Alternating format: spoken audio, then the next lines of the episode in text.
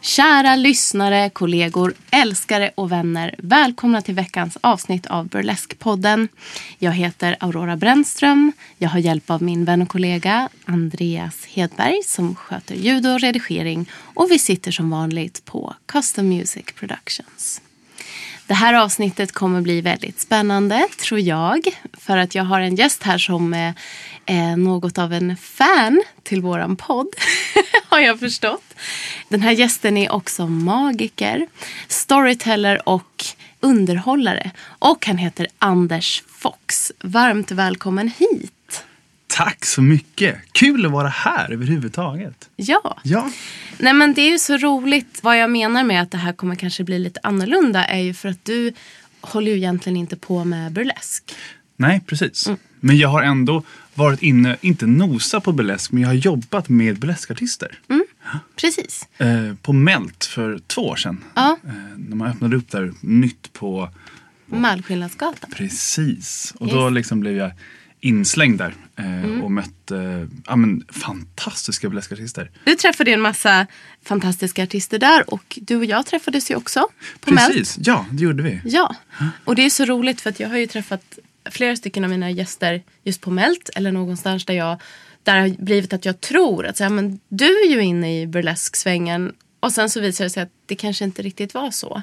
Utan att, ja, men du liksom, några andra av mina gäster också har blivit mera inslängd i det eller så här, hamnat där av en slump och så, ja, fast det har funkat väldigt bra.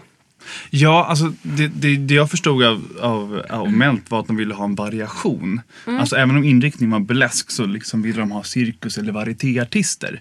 Och det jag tyckte var intressant just när jag kom in med, med magin var ju att man fick, som sagt, som den här bredden av det. Att burleskartisten i sig gav sina nummer och sina häftiga, just det här, den kvinnliga friheten, kunde visa upp sig själv. Och det jag fanns till för var också det antingen att gå runt och mingeltrolla liksom, vid borden, ge det här lilla nära.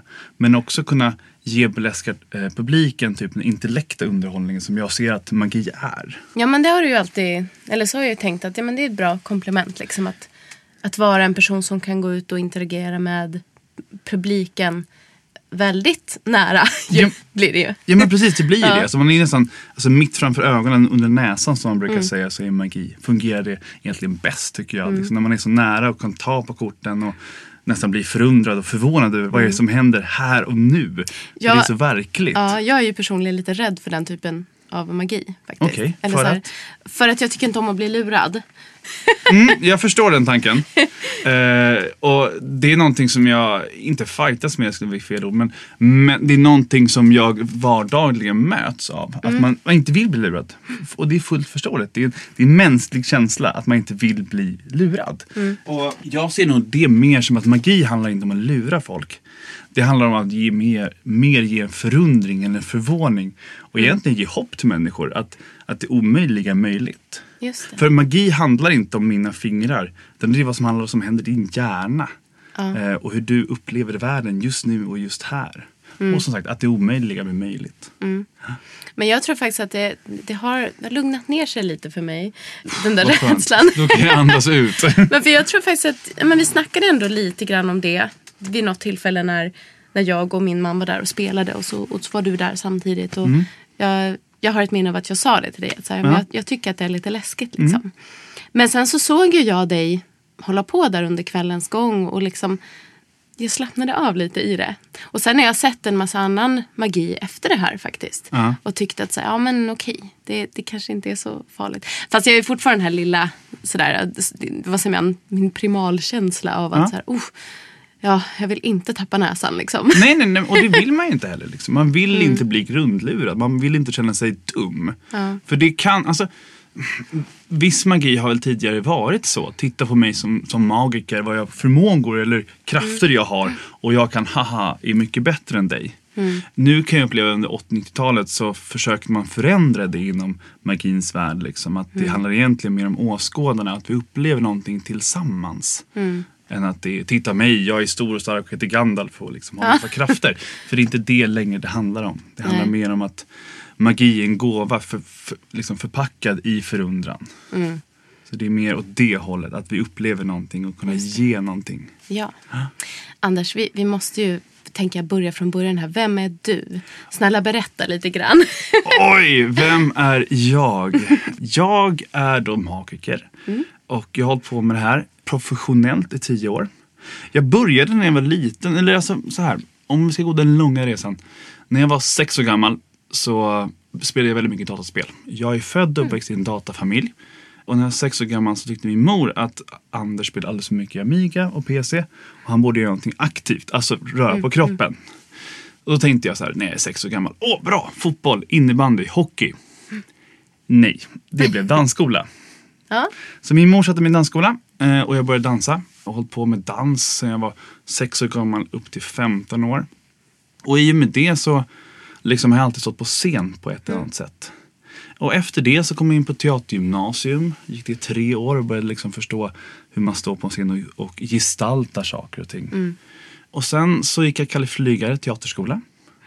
Och där någonstans så upplevde jag att teatern som de lärde ut var lite konstigt. Alltså jag tyckte inte att jag förstod så mycket. Eller det gav inte mig jättemycket. Okej. Så då kände jag att då vill jag bli teaterlärare. Så då gick jag en dramautbildning på Lärarhögskolan i fem år. I, så jag och medlärare på gymnasial nivå. Och samtidigt som det så började jag med magi. Som hobby. För det var kul grej. Ja. Och sen när jag hade gått ut min lärarexamen så, så började jag få jobb som magiker. Eh, och hade gjort liksom några ganska stora gig tidigare. Det varit väg utomlands och jobbat fram och tillbaka genom min utbildning. Så då sa jag till mig själv så här, okej, nu är jag 25 år gammal, nu är jag en femårsperiod. Kan jag leva på det här till 30 så gör jag resten av mitt liv. Och ja, tydligen så kunde jag det. Wow. Ja, precis. Ja. Så att jag slängde mig ut i ett bananskal och bara se vad händer med livet. Ja. Och det är ungefär så jag lever mitt liv just nu. Jag, Okej. jag tar året som det kommer. Jag njuter så mycket jag kan av den konstform som jag håller på med.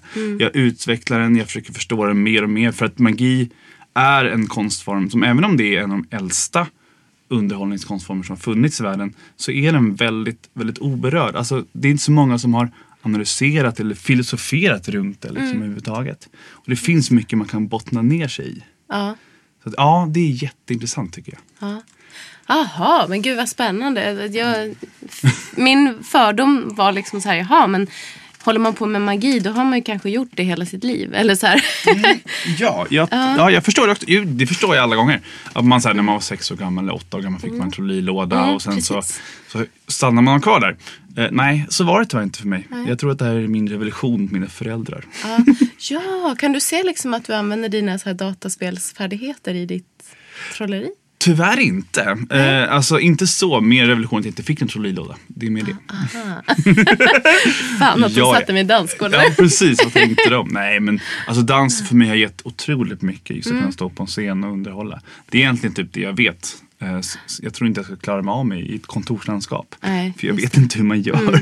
Vad var det för dans du höll på med? Det var showdans. Det vill Ja. säga, det var jazz, ballett, reggae, alltså all slags möjlig dans överhuvudtaget. Och sen hade vi en uppvisning en gång per år, liksom mot vårkanten. Och jag tror där också att, eh, ja, jag skulle säga någonting. Nej, jag bara funderar på, har du, har du tävlat och sådär? Eller? Nej, Nej. inte i dans. Nej. Det har jag inte. Det har jag nog, nej, jag tycker bara om att stå på scen och dansa. Det är kul. Liksom visa upp men aldrig tävla i det. Nej, just det. För det var inte vårt syfte med den skolan som vi gick i. Vi, liksom, vi, vi lärde oss liksom koreografier inför årets föreställning. Liksom. Ja, just det. Men hur kändes det för dig då som sex år som suttit vid datorn att komma ut och liksom dansa och visa upp dig och stå på scen? Och... Ja, Hade det, du längtat efter det? Nej, det tror jag inte. För jag inte visste att det fanns. Utan jag tror mest att jag bara var uppslängd och provade på. Det är som varje sexåring som helst som så här, nu får vi se vad som händer. Och det funkade bra. Och så körde man vidare på liksom. Så det blev som en rutin liksom. Ja. Och så tänkte man inte mycket på, oj, där står det en massa människor. Ja, ja, vem bryr sig? Jag tror att man som sexåring inte tänker så mycket, man bara gör. Ja. Jag tror sen att man börjar senare per år, det har jag märkt nu också på de senaste åren, att man börjar bli mycket mer medveten om sin publik. Alltså, på gott och ont på ett sätt. Eh, inte att man har scenrädsla, men man blir liksom kan vara mer nervös liksom. Okej. Vissa gånger beroende på vad det är för, i publiken och vad ska jag göra inför min publik. Det var någonting jag upptäckte väldigt, väldigt underbart på Melt. För att burleskpubliken var helt fantastiskt underbara människor. Okej. Ja, men jag fick så otroligt mycket kärlek. Ja. Från första gången jag gjorde liksom mitt första nummer där. Vad härligt. Ja, ja, men det var någonting som slog mig bara liksom. För att jag har jobbat väldigt mycket sagt, med olika publiker. Ja. Jag har jobbat utomlands i tre år för, för fritidsresor på liksom familjehotell. Och då har man en viss publik som man liksom måste, inte jobba emot, men de är på ett sätt. Liksom. Men burleskpubliken Ja. var liksom bara med en stor öppen famn. Det var helt magiskt. Ja. Magiskt. Ja men det Rätta var, ordet. ja, men Ja. verkligen. Även om det låter ironiskt just nu. Eller väldigt sådär konstlat klyschigt. ja men det var magiskt. Så, Vet du att jag kom på att livet är klyschigt? Alltså klyschor finns ju för en an- anledning. ja, jo men det gör det. Det är bara man inte vill använda dem som man blir paketerad i. Eller Ja. sätter i facket. Det är väl det. Jo, fast det är ändå så här, det är fint på något sätt. Men eh, okej, men vad, vad är det som, kan du sätta fingret på liksom varför du kände så? Vad, vad det var med burleskpubliken som, som gjorde det här möjligt liksom? Jag tror att det har att göra med att det, som sagt själva burleskgenren är en sån öppen och ärlig och naken. Alltså på sitt sätt. Så att publiken tar emot en person och då måste ju publiken ge så mycket tillbaka också. Så jag tror det är det det handlar om. Jag tror att publiken, eller den burleska publiken är också en öppen publik. Som kan ta mer, eller är öppen att liksom se Mm. mer än vad en, en annan sorts publik som kanske sitter på ett företag Just kan det. se. Liksom. Ja, men just det. Kan det ha att göra med... För burlesk bygger ju mycket på interaktion också. Mellan artist och publik. Och ja, det är kanske det också du tänker där. Att det känns att, att den här publiken är van att, att tjoa och kimma och liksom få delta på ett sätt. Ja, Ja. precis. Ja men verkligen. Så att de är liksom med i showen. Ja. Så man inte känner att man står och trollar eller kör magi för en vägg. Liksom. För det har man upplevt ibland. Ja, du har det? Ja, ja. Ja. Oj, oj, oj. Det har hänt. Ja. Och då är det bara att leva glad och fortsätta. Oj, vad, hur tacklar du det? Alltså, det handlar väl mer om att om jag möter en publik som jag känner, okej det här är en vägg, det händer ingenting. Då, då är det mitt jobb som magiker att försöka ta mig under väggen. Och då är det mitt jobb att alltså, köra, byta akt eller tänka, okej vad har jag i mitt bakhuvud, vad kan jag göra, vad kan jag ändra, förändra, fixa i ordning så att publiken hänger med mig. För det är, alltså, mitt jobb att, på scen är att jag står där frivilligt, det är mitt val att stå där. Och därför ska jag se hela min publik och få med dem på det tåget jag vill att de ska åka. Om jag inte får det, då är det mitt förbannade ansvar att lösa det problemet. Det är så jag ser på det. Ja, gud det låter rätt så tufft. Fast det är nog inte så tufft. Eh, kanske i början så kanske det är tufft. Alltså när man märker att okej, alltså nu pratar vi början av typ, alltså min karriär liksom, eller min period av att arbeta med Då är det tuffare. Men jag har lärt mig genom året att tycka om det. Jag kan säga ungefär fyra, fem minuter av min show eller min akt handlar egentligen mest om att lära känna min publik och se vilka funkar, vilka funkar inte. Liksom. Så Just att det är en uppvärmningskurva liksom. Ja, Så att det är så jag arbetar. ja. Men jobbar du alltid på det här sättet att du liksom mingeltrollar, om man säger så? Du går fram till folk och gör, eller har du också shower? Förstår du? Ja, vad jag vad menar. jag, förstår, verkligen- jag förstår vad du menar. Ja, ja. Eh, jag gör både och. Jag mingeltrollar. Eller så här, jag kan mingeltrolla och jag har också scenshower. Så det beror på liksom vad, vad man vill ha in mig Mm. Med. Eller vad de vill att jag ska göra. Mm. Men jag tycker bäst om att först mingeltrolla Mm. med publiken och sen köra en scenshow. Okej. På grund av att när jag först minglar med publiken så lär jag känna dem. Mm. Alltså jag får ett ansikte på dem, jag får nästan reda på vad de heter och så Mm. vidare. Och jag har ganska lätt att komma ihåg namn. Okej. Vilket är till min fördel. Åh gud, kan jag få den förmågan av dig? Ja, jag har jobbat många år med just den tekniken, eller Ja. teknik och teknik, men liksom försöka komma ihåg namn. Mm. För att det, det hjälper mig väldigt mycket. Och sen då när jag har minglat bland gästerna så går jag kanske backstage och tar det lugnt någon timme och sen kör jag med scenshow. Mm. Men då har också, delvis har jag lärt känna min publik men de har också lärt känna mig. Mm. Så de är inte där, vad är, det- är det där för Jeppe som går upp på scenen nu? Utan vi, liksom, ja, har skapat ett band redan från början. Det. det tycker jag väldigt mycket om. Eh, ja. Mm. Finns det många sådana liksom, arenor där du har möjlighet att göra det, tycker du? Nej, tyvärr inte. Och det är Mm. nog vi magikers egna eh, extremt oförmåga att skapa arenor. Okej. Faktiskt. Jaha. Ja, jo, för det, det, det, har så här, det, det jag har upplevt funnits är väldigt lite av just en öppen scen för varieté och cirkus och magiker då. Vilket jag tycker magi är en slags i det facket. För att eh, stand-up-scenen är en stand-up. Där kan vi liksom inte komma in just nu. Eh, och, och, och trolla liksom. För att de vill inte ha oss. Och det förstår jag också. För det är en helt annan grej. Och sen så har man trubadurer liksom. Och då har man den världen och så ska man gå in där. Så det finns, det, så det finns väldigt många scener men ingen för oss just varieté eller cirkus eller magiker. Vilket jag tycker är synd. Just det. Ehm, Jag vet inte varför det är så. Eh, Det är kanske för att vi sagt, är lata människor och inte orkar ta tag i någonting. Så kan det vara. Det har ju funnits en restaurang här i Stockholm som heter Merrick Bar. Just det. Som, ja, som fanns ett bra tag. Som var en helt fantastisk scen. Men tyvärr så gick de i graven. Så kan det vara liksom. Så att just nu så är det väl mest, man, man gör sina gig, alltså man gör sina jobb på företagsgig. Då säger vi så här, alla som lyssnar och ni som är producenter eller ni som är lite så handlingskraftiga personer, hej hej. Starta upp ett ställe där det här kan funka, det här konceptet. Mingeltrolleri och shower. Det vore kul. Alltså, s- det här, ja, det, det är klart det finns. Det är inte så. Jag, jag har turen just nu till exempel. Jag ska i höst köra en, i, Helsingborg. Ska jag vara med i en dinnershow, alltså en krogshow. Ja. Där vi är fyra showartister och så jag som varietéartist med. Så det finns liksom. Men Ja. det finns inte lika brett och öppet som stand-up till exempel. Nej. Vilket vore jättekul. Men ja. Ja. För stand-up tänker jag, det borde ju ändå vara någonting som, som skulle kunna samarbeta med din, ditt sceneri. På sätt och vis. Ja, precis. Det tror jag också. Tar du mycket liksom företagsgig eller vad kan det bli för dig? Ja, vanligtvis just nu så är det företagsgig. Eh, Det är den vanligaste jobbformen jag har. Och då är det allt ifrån fester till evenemang till event där man är. Och då är det sagt antingen mingel eller en scenshow. Just det. Så det är mycket att jag reser genom Sverige. Liksom. Man tar allt från norr till söder. Ja, ja men det har jag ju sett mycket på dina sociala medier att du verkar göra. Ja, precis. Det blir så. Ja, där festen är, där brukar jag komma. Liksom. ja. Men, men det måste väl ändå vara kul? Eller, Det är Ja. jättekul. Eh, alltså det är fantastiskt. Eh, ja.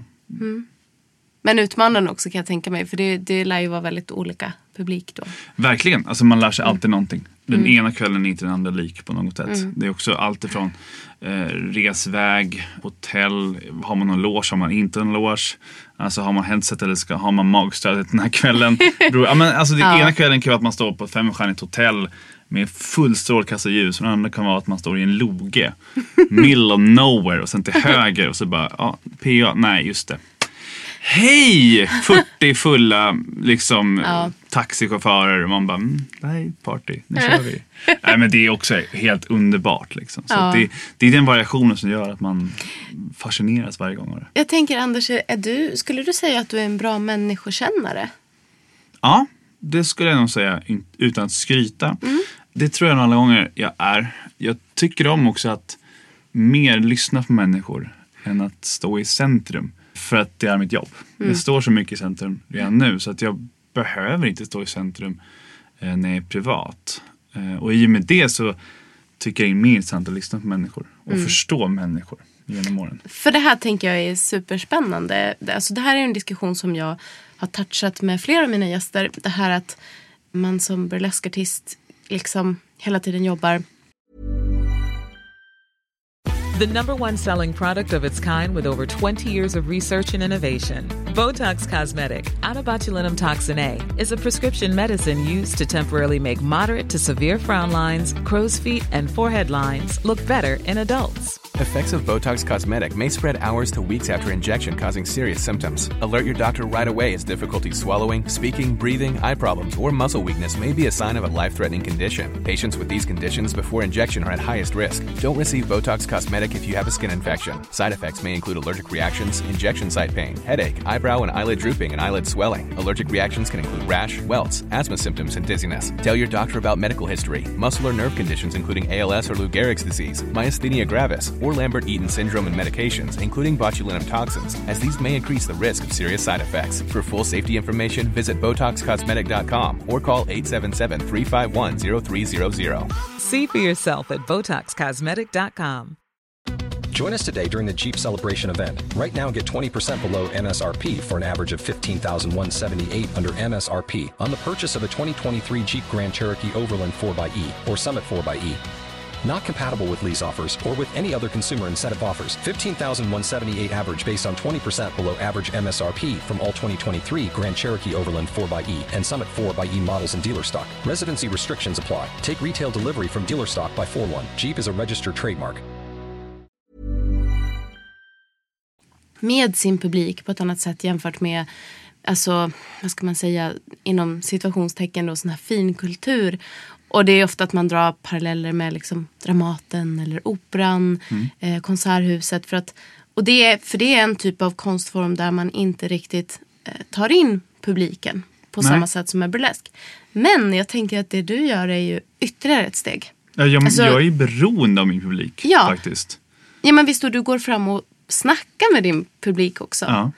Så det här är ju att dra den där grejen ett snäpp till. Jo men det är ju verkligen. Och som jag sa tidigare, alltså, de måste med på mitt tåg. Mm. Det jag gör. Och jag har ju också, alltså jag har ju nummer där jag, där jag plockar upp någon på scen eller två stycken och vi gör någonting tillsammans. Och det tycker jag är ännu mer intressant för då blir det en slags teaterpjäs. Mm. Alltså vi skapar någonting tillsammans.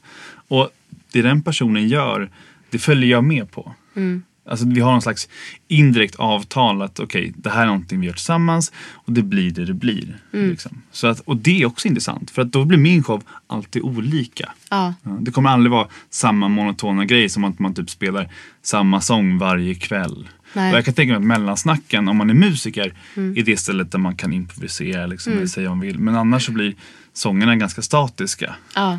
Får jag för mig. Du är ju musiker liksom så här. Alltså det, det roligaste jag tycker faktiskt det är om man har en publik där man kan köra mellansnack som blir lite intimt. Liksom, Eller vad man ska säga. Att man får kontakt med publik. Det är typ det bästa jag vet. Fast jag tycker också att det är roligt att bara så här. Fast man ser det på olika sätt. Så här, vissa gig när vi gör mycket mingelgig till exempel. Jag och min man. Och då är det inte som att man snackar med publiken. Oftast inte liksom.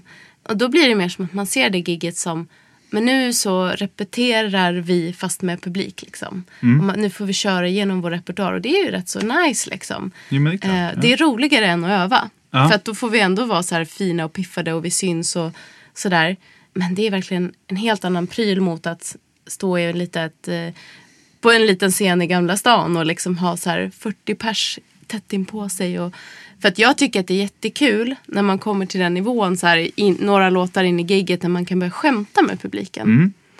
Fast jag tycker att det är, det är väldigt beroende på vilka som sitter där. Det kan också vara lite jobbigt. Att På vilket liksom, sätt då? Ja, jag är väldigt så mycket, jag känner av energier tror jag.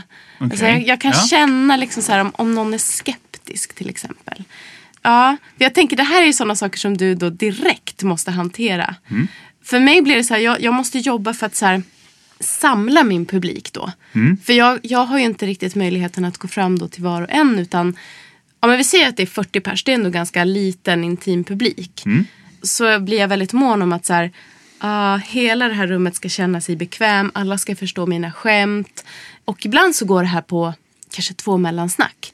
Och så kan man slappna av och bara, ah, de förstår mig, jag kan babbla på, de skrattar. Eller så känner jag inte riktigt den responsen. Och Okej. då kan jag känna mig lite obekväm i det. Hur hanterar du det då? Jag sätter nog på mig lite skydd. Liksom. Då blir det mer att jag, jag, då tar jag bort skämt. Tror jag. Och så blir det liksom mer att jag... Tills jag märker att jag fått dem med mig. Då kan jag börja skämta igen. Liksom. Ja, jag vet inte. För du känner liksom att, menar du då att musiken är ditt skydd? Eller? Nej, mer, mer mig själv. Liksom att jag, en sak som jag märker väldigt tydligt. Nu sitter jag och babblar här. Jo, men jag märker att jag, när jag blir bekväm. Det är då min så här konstiga Stockholms dialekt kommer fram. Jag, Okej. jag har ju inte stockholmska sen, sen barnsben. Men jag, på något sätt som att när jag släpper då blir det ändå något så här. fast blandat med mitt gamla dalmål. Liksom. Jag hör det direkt på mitt sväng. Alltså, Okej, nu, nu har Aurora slappnat av. Medan om jag inte har gjort det, Nej. Då blir jag mer så kontrollerad Ja. i mitt tal. Och börjar kanske prata mer så här faktamässigt. Typ. Ja, den här låten spelade de här in det här året. Ja. Och eh, vi tänkte göra en tappning på den. Och vi har tagit inspiration bla bla bla. Medan jag, om jag slappnar av så bara ja. Ja men då så, då kör vi det här. Och det är ju, alltså jag kan börja prata lite mer från mig själv och bli lite mer grov. Ja. Och så här, ja, men den här sången tycker jag är jävligt sexig liksom. Och därför att bla bla bla, jag kan relatera. Ja, men sånt där är så spännande på ett sätt, just som du säger. Alltså det här att man, man sätter upp ett skydd liksom, eller att man känner okej, nu, nu, nu, nu följer de inte med eller de reagerar inte som jag vill att de ska göra. Och det, blir, alltså, det, det finns extremt mycket just i magin. Speciellt alltså, om man an, antingen står på scen eller kör mingel. För att även om det är mindre grupper, alltså mingel är ju aldrig en person utan det är kanske två eller fyra eller sex eller åtta. Och märker jag också då att som sagt, nu hänger de här inte med på Mm. till exempel den humorn som, som jag har. Så får man ju så här, okej släpp den, gå vidare och gör någonting annat. Liksom. Det är det, man, man har en viss bredd liksom, som man får Mm. spela med. Alltså jag tror i och för sig nu när jag tänker på det att jag ibland kan hantera det tvärtom också. Att jag så här, ja men hörni, vet ni vad? Så här, man får skratta när jag säger så här och så här. Ja precis, ja. ja, det, det har ju hänt också. Men det är ju perfekt, det är jättebra. Jo men det är det. För jag tror också att man, behöver man behöver ta upp det som sker i rummet. Mm, Alltså man behöver eh, acknowledge, heter det på engelska. Alltså uppmärksamma. För det, det har jag också märkt. Att till exempel när jag kör någonting, om man, om man har en man som typ sitter vid ett bord med händerna i kors. Mm. Och bara tittar på en, nästan stirrar på en som bara så här, vad i pipsvängen ska du göra nu? Ja. Så brukar jag säga så här, ja men vad skönt, talanguren är här. Och då liksom, för då, då Ja. inser han liksom så här, okej han skämtar om mig. Ja. Jag vet om liksom att Ja. okej det här är situationen. Precis. Så man måste göra någonting av det Mm. liksom. Jo, men visst. Jag har, jag, ibland så har jag så här, om, om man är på, på någonstans, och det, det händer ibland att så här, man spelar på en pub typ, men det är ändå en scen. Mm. Och då, då tänker man sig kanske att ja, men folk får ju småprata men de behöver inte sitta och liksom skrikbabbla Nej. just när vi sjunger. Nej, nej.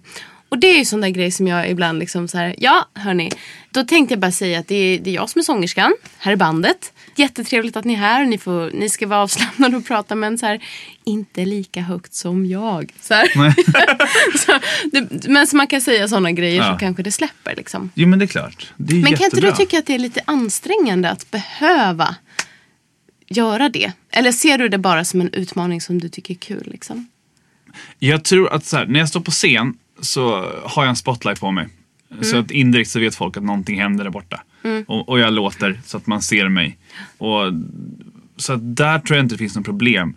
Det är som sagt, det är nog mer problem när man är i mingelsituation. Mm. När man måste eh, gå in och starta en ny, ny situation för människor som kanske redan sitter står och pratar med varandra eller någonting. Mm. Det. Men det är också någonting jag har lärt mig genom åren. Jag har inget problem med det för det är mitt jobb. Mm. Mitt jobb är att underhålla. Jag får betalt för det här och jag vill gärna göra mitt bra, jobb bra. Ja. Liksom. Så att jag kommer vara där förr eller senare. Så det är bara att köra på.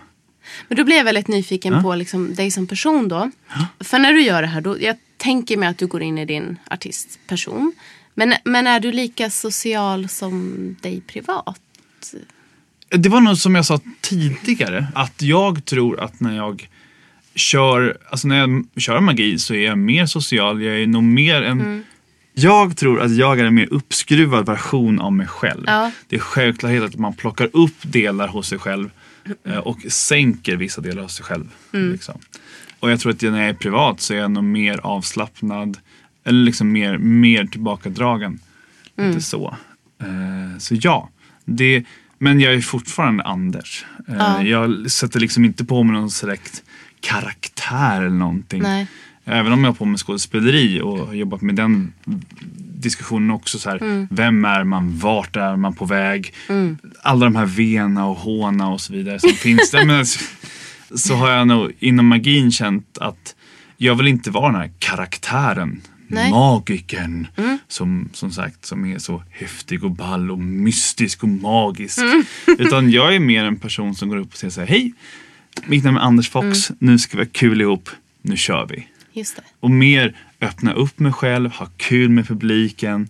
För att för min del så handlar det lika mycket om att sagt, ha roligt med publiken som att göra dem förvånade och ge en magisk ögonblick. Båda två är lika viktiga för mig. Just det. Så att jag tror att, ja, jag, jag blir nog sagt mer Anders Fox Ja. när jag går upp på scen.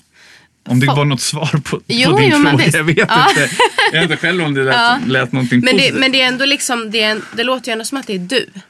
ja, jo, men det är det. ja, Ja. precis. Så du är ganska social privat också då, tänker jag. Ja, det, det är jag på ett sätt. Mm. Alltså jag är social, men jag är nog mer privat. Mer, jag lyssnar mer än att prata mer Mm. Okej. privat. Eh, För prata gör jag så mycket i mitt jobb. Och jag träffar så många människor. Ja. Så ibland så blir det lite tröttsamt och då är det skönt att bara så här kunna stänga, låsa dörren, vara med sin familj och bara slappna av. Det är nog det skönaste jag vet just nu. Ja. Just det. Nej, men jag tänker bara för att ganska många artister som jag känner och som jag också har intervjuat här säger ju att de går in i en roll på ett annat sätt. Och att det är därför som de vågar titta folk i ögonen eller som de vågar ta plats. Men att privat så skulle de kanske inte göra det. Nej. Så. Jag tror att i och med att jag som sex år gammal stod på en scen Mm. så, så är det det enda jag vet.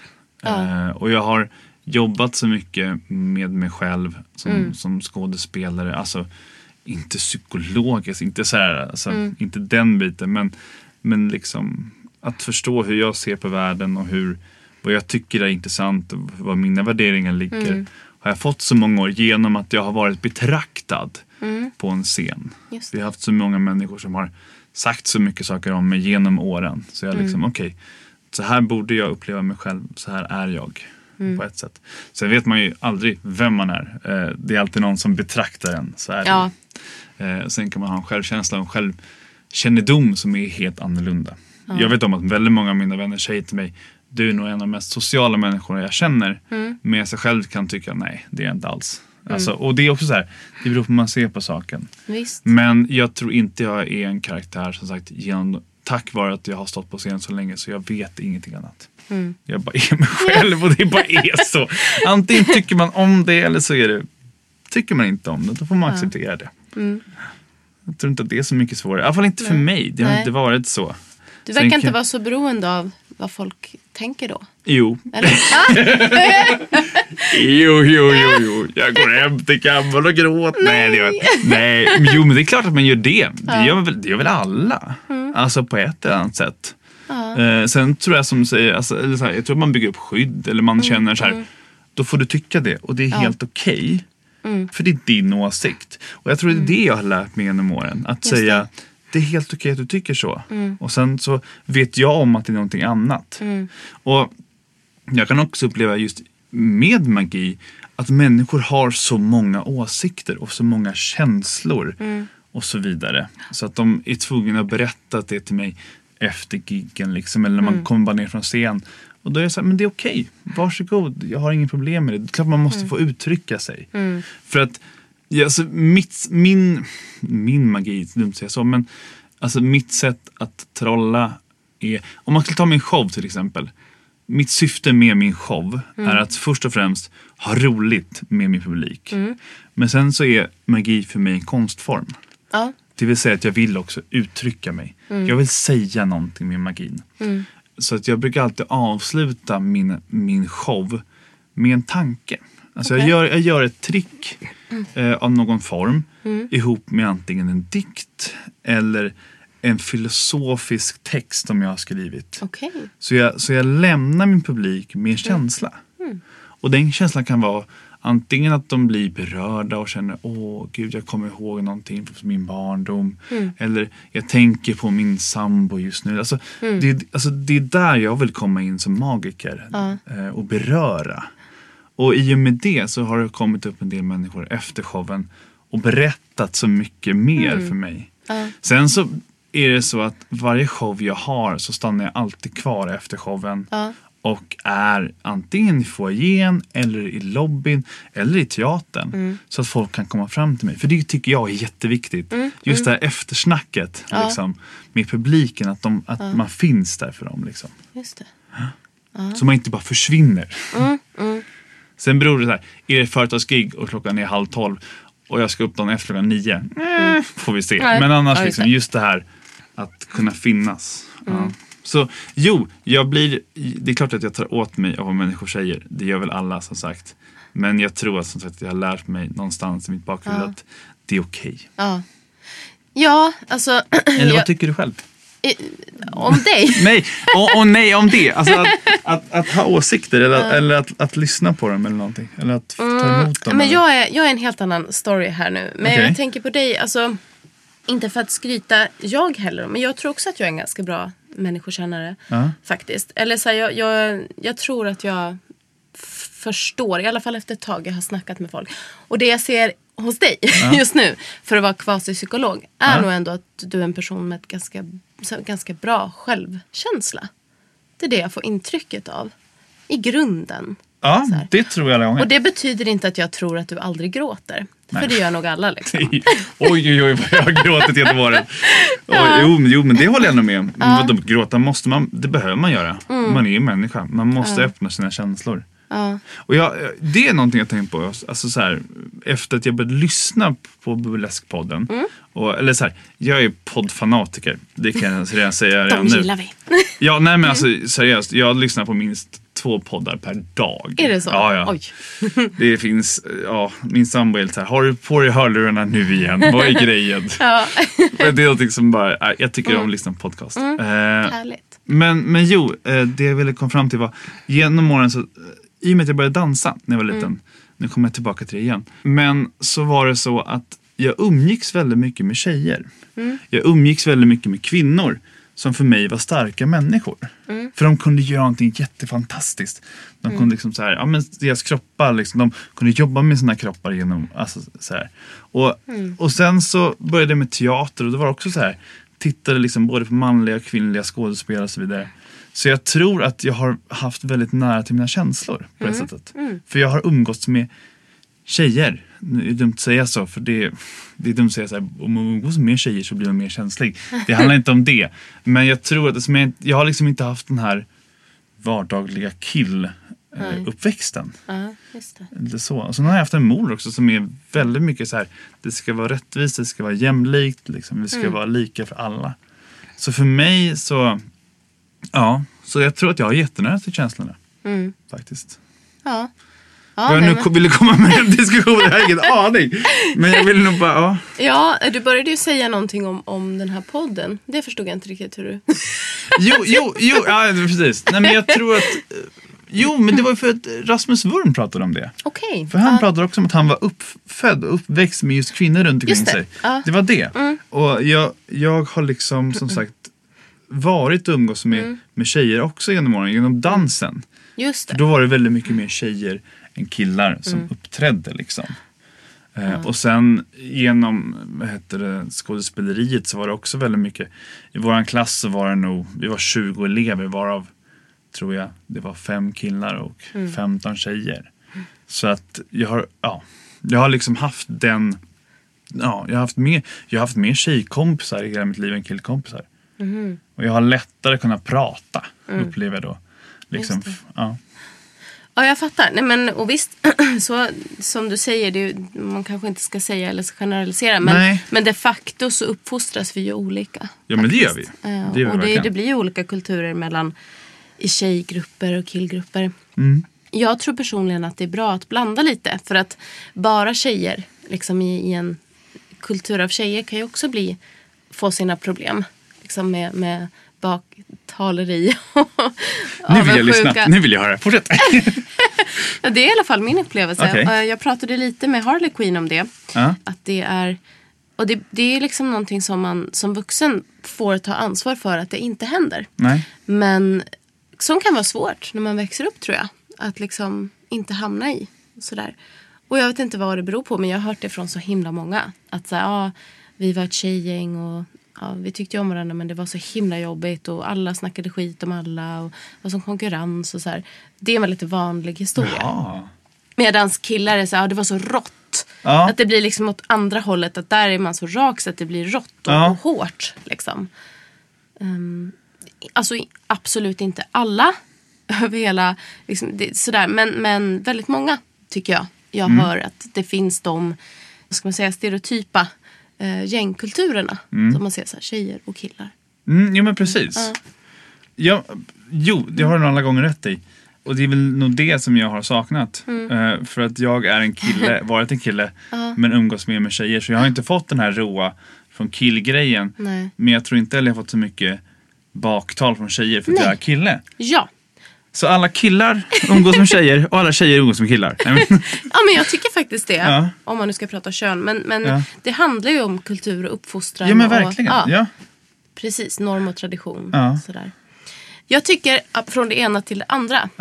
Att det är så jäkla roligt att du lyssnar på podden. Och du är ju en av dem som så här, verkligen har hört av dig till mig också och sagt att det har varit bra. Det, det, det måste jag verkligen ge dig en eloge och mycket värme för. Ehm, Varsågod. Gör inte folk det eller vadå? jo, jo, Jo. det gör de. Ja. Men eh, jo, gud jag har fått jättemycket. Men, men just att jag tror att du har gjort det flera gånger. Så att Ja. jag verkligen så här, ja, ah, fan vad nice. Ja. Så det var ju också därför jag tyckte det var kul att, att du ville komma hit. Ja, men jag, jag Mm. tror att det är viktigt med feedback också. Eller alltså, Att få en, få en respons från sin, sin publik också. Liksom. Mm. Att man, som vi pratade om tidigare, att kunna få en dialog. För det är väl det det här handlar om på något sätt. Absolut. Ja, för annars vore det Mm. jättetråkigt om man bara sänder ut någonting och så händer ingenting. Det bara ligger där i etern eller liksom ute på internet. Ja. Ja. Men för att återkoppla då liksom till då får då antar jag att du har lyssnat på våra program. Ja, Eh, jag, jag, jag har samtliga. en del. Ja, inte samtliga, men jag har plöjt en del. Ja. Jag har några kvar. Ja. Har du det. lyssnat på Nalles program? Det har jag gjort. Ja. För att där pratar ju han och jag om, om det här sköra tillståndet man kan hamna i direkt efter en show. Och om man då möter en publik så att det kan hända saker känslomässigt där. Och jag tänker, för feedback och liksom kontakt med sin publik och, och sådär är ju superviktigt. Ja. Kritik är också superviktigt. Ja. Men, och så pratar vi om så här, jag tänker att du är en, en självsäker person men vi, vi vet alla att liksom det, det kan man säga men, men det finns ju bottnar såklart Ja, ja. av annat.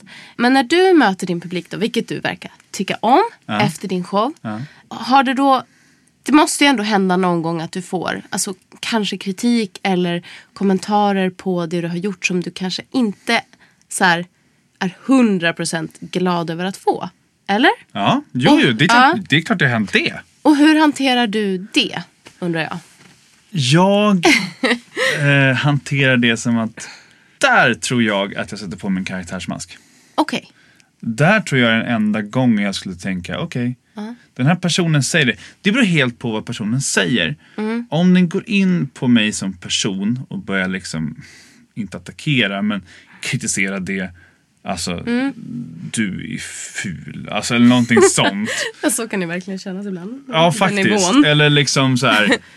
Åh, för så här. Jag vet om att jag inte är världens smalaste människa. Så att liksom, och det kan vara att man går in så här, ja men du är lite, mm, du är inte modellpojke, varför står du på scen? Liksom. Det har hänt mig. Ja. Eh, sådär.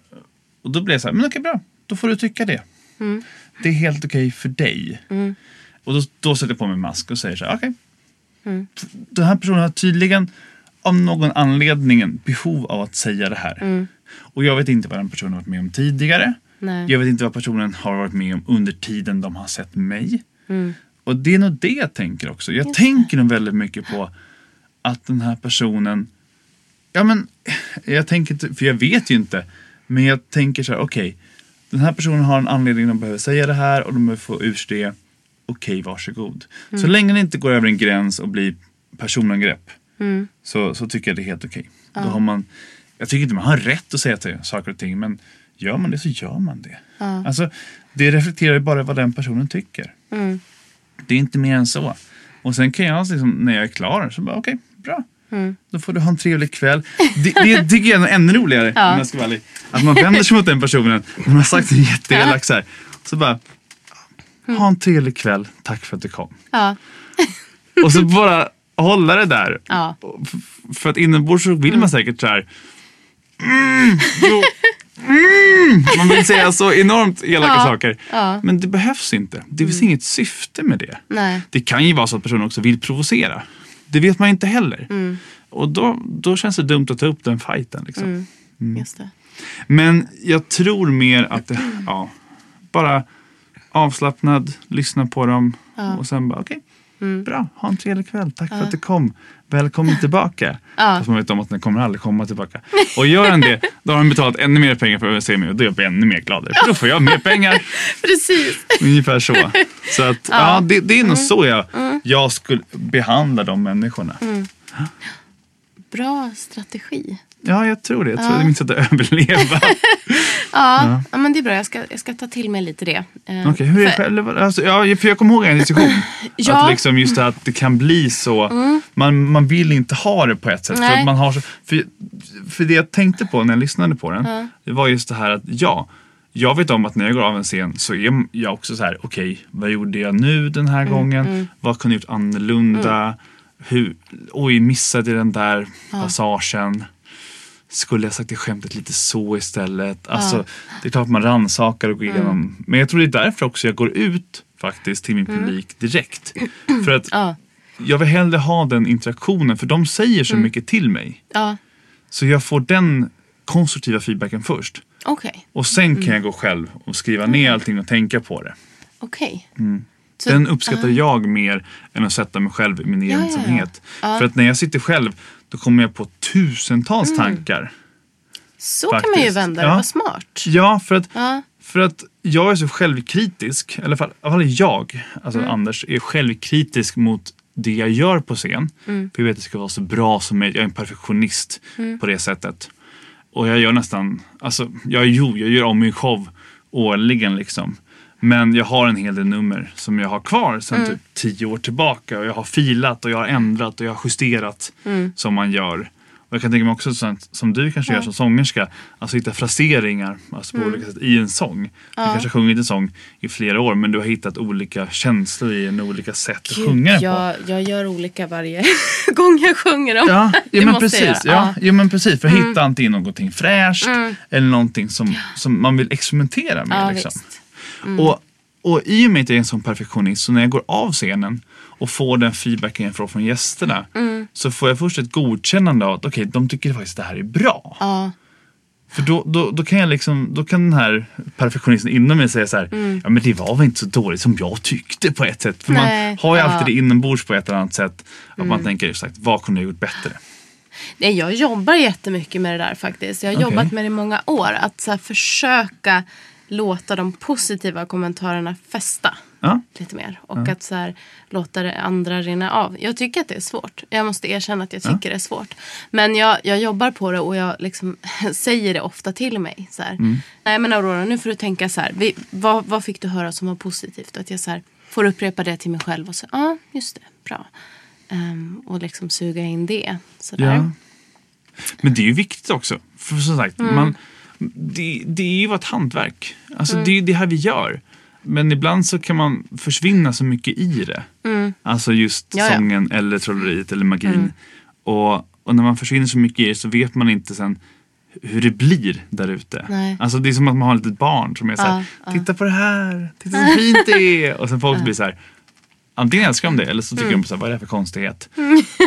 Och, och det är så. Men, men eftersom att det är ens, ens språk eller röst på något sätt så vill man ha den positiva feedbacken. Och man vet Mm. aldrig hur det kommer bli förrän man står där. Nej. Och då skulle man kunna säga att man är naken eller sårbar eller öppen. Liksom. Mm. Och det är ju samma sak med, med burleskartisterna också.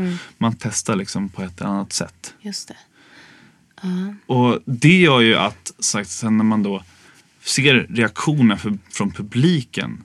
Det är då det, det magiska händer. Mm. Det är just den, den bron mellan, mellan en som artist och publik. Det, det är där det, Mm. det händer någonting spännande. Det är egentligen det, det jag strävar för. Liksom. Ja. ja, men jag tycker egentligen att det är jättehäftigt. Alltså precis samma sak som det här att jag tycker om mellansnack. När, de, när jag känner att jag har kontakt med publiken. Ja. Så tycker jag verkligen också om att prata med publiken efteråt. Men, men jag är väldigt mottaglig också för att liksom få den här sköna känslan bruten. Ja. Så. Hur menar du då? Ja men liksom att... För jag är oftast för det mesta glad. Alltså även om jag kan vara kritisk till saker jag har gjort. Så är jag ganska duktig på att släppa det och fortfarande tycka att det är härligt att uppträda och att det går bra. Liksom. Men när jag kliver av scen så, så är det som att hela jag vibrerar av det här. Liksom.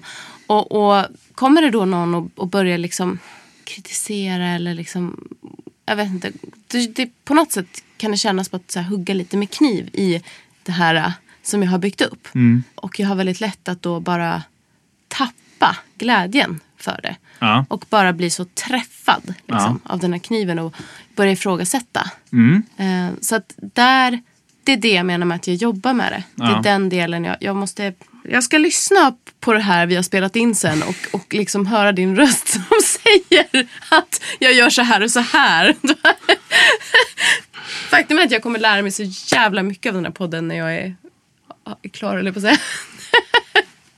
Är det här dina terapitimmar egentligen? Gud vad underbart.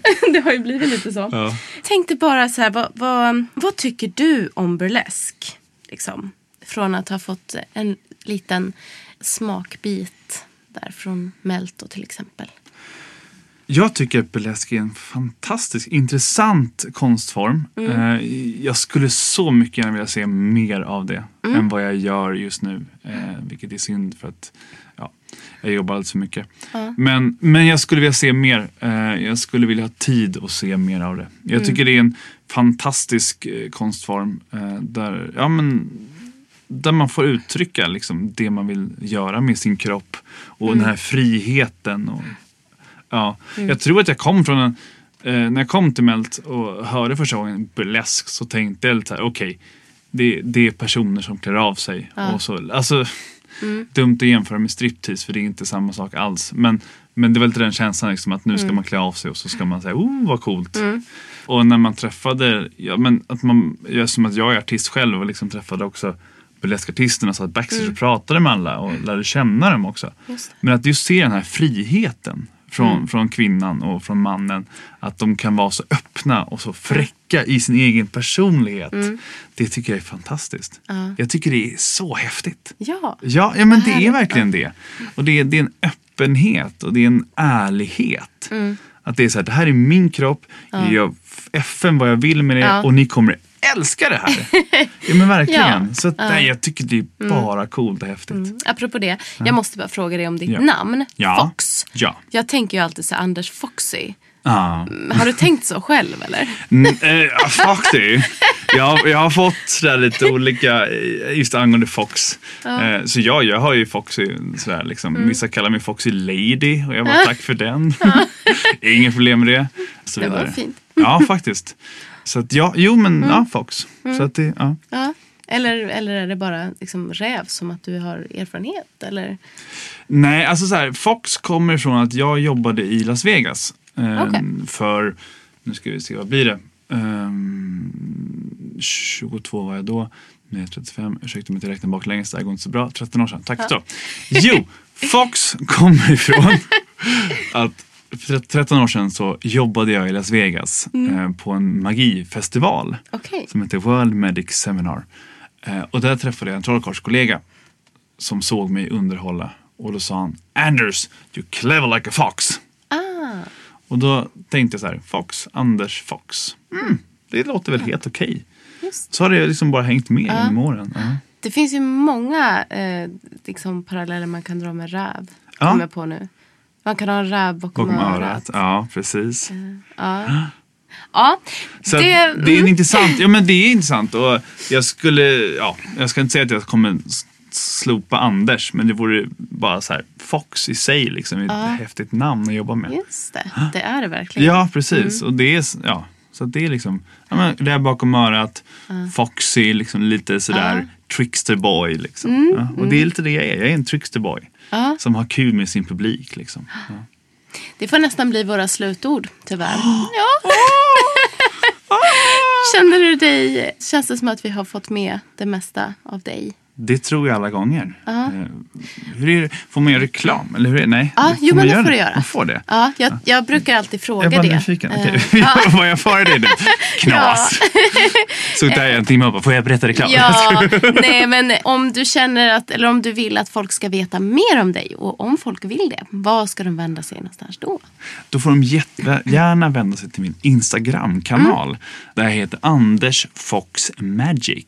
Ja, Där jag faktiskt varje måndag lägger ut en ny film på mitt projekt Magic Monday. Just det, men det har jag ju sett. Ja, precis. Ja. Sen har jag också en hemsida som heter Anders Fox. Tack för att du kom hit. Tack för att jag fick komma hit. Det, Det var varit, jättekul. ja, jag har totalt glömt bort att jag hade ont i halsen tidigare. I'm feeling fabulous. Kära mina lyssnare, kollegor, älskare och vänner. Vi hörs igen. Hej då!